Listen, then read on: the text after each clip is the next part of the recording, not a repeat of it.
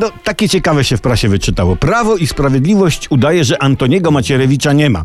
No, ma to związek z zamieszaniem wokół jego specjalnej podkomisji i moglibyście zapytać, choć nie pytacie, ale i tak odpowiadam na wasze pytanie, które brzmi, a jak PiS udaje, że pana Antoniego nie ma? No, mniej więcej tak, no.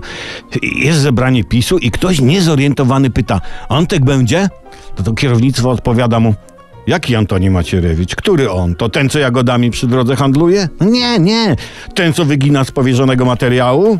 Czy, czy ten Antek, który szyby w zimie zeskrobuje samym wzrokiem? Nie, nie. Ten, co jąka się ten ktoś, nie? I, I słyszy zdecydowaną odpowiedź. Antoniego ten, co też nie znamy, nie pamiętamy, nie było. To ten wspomniany wyżej niezorientowany ktoś drąży niepotrzebnie temat. No, a, a, a ten mężczyzna, który teraz na zewnątrz podskakuje i stara się zajrzeć do okna i macha do nas, to nie Antoni Macierewicz?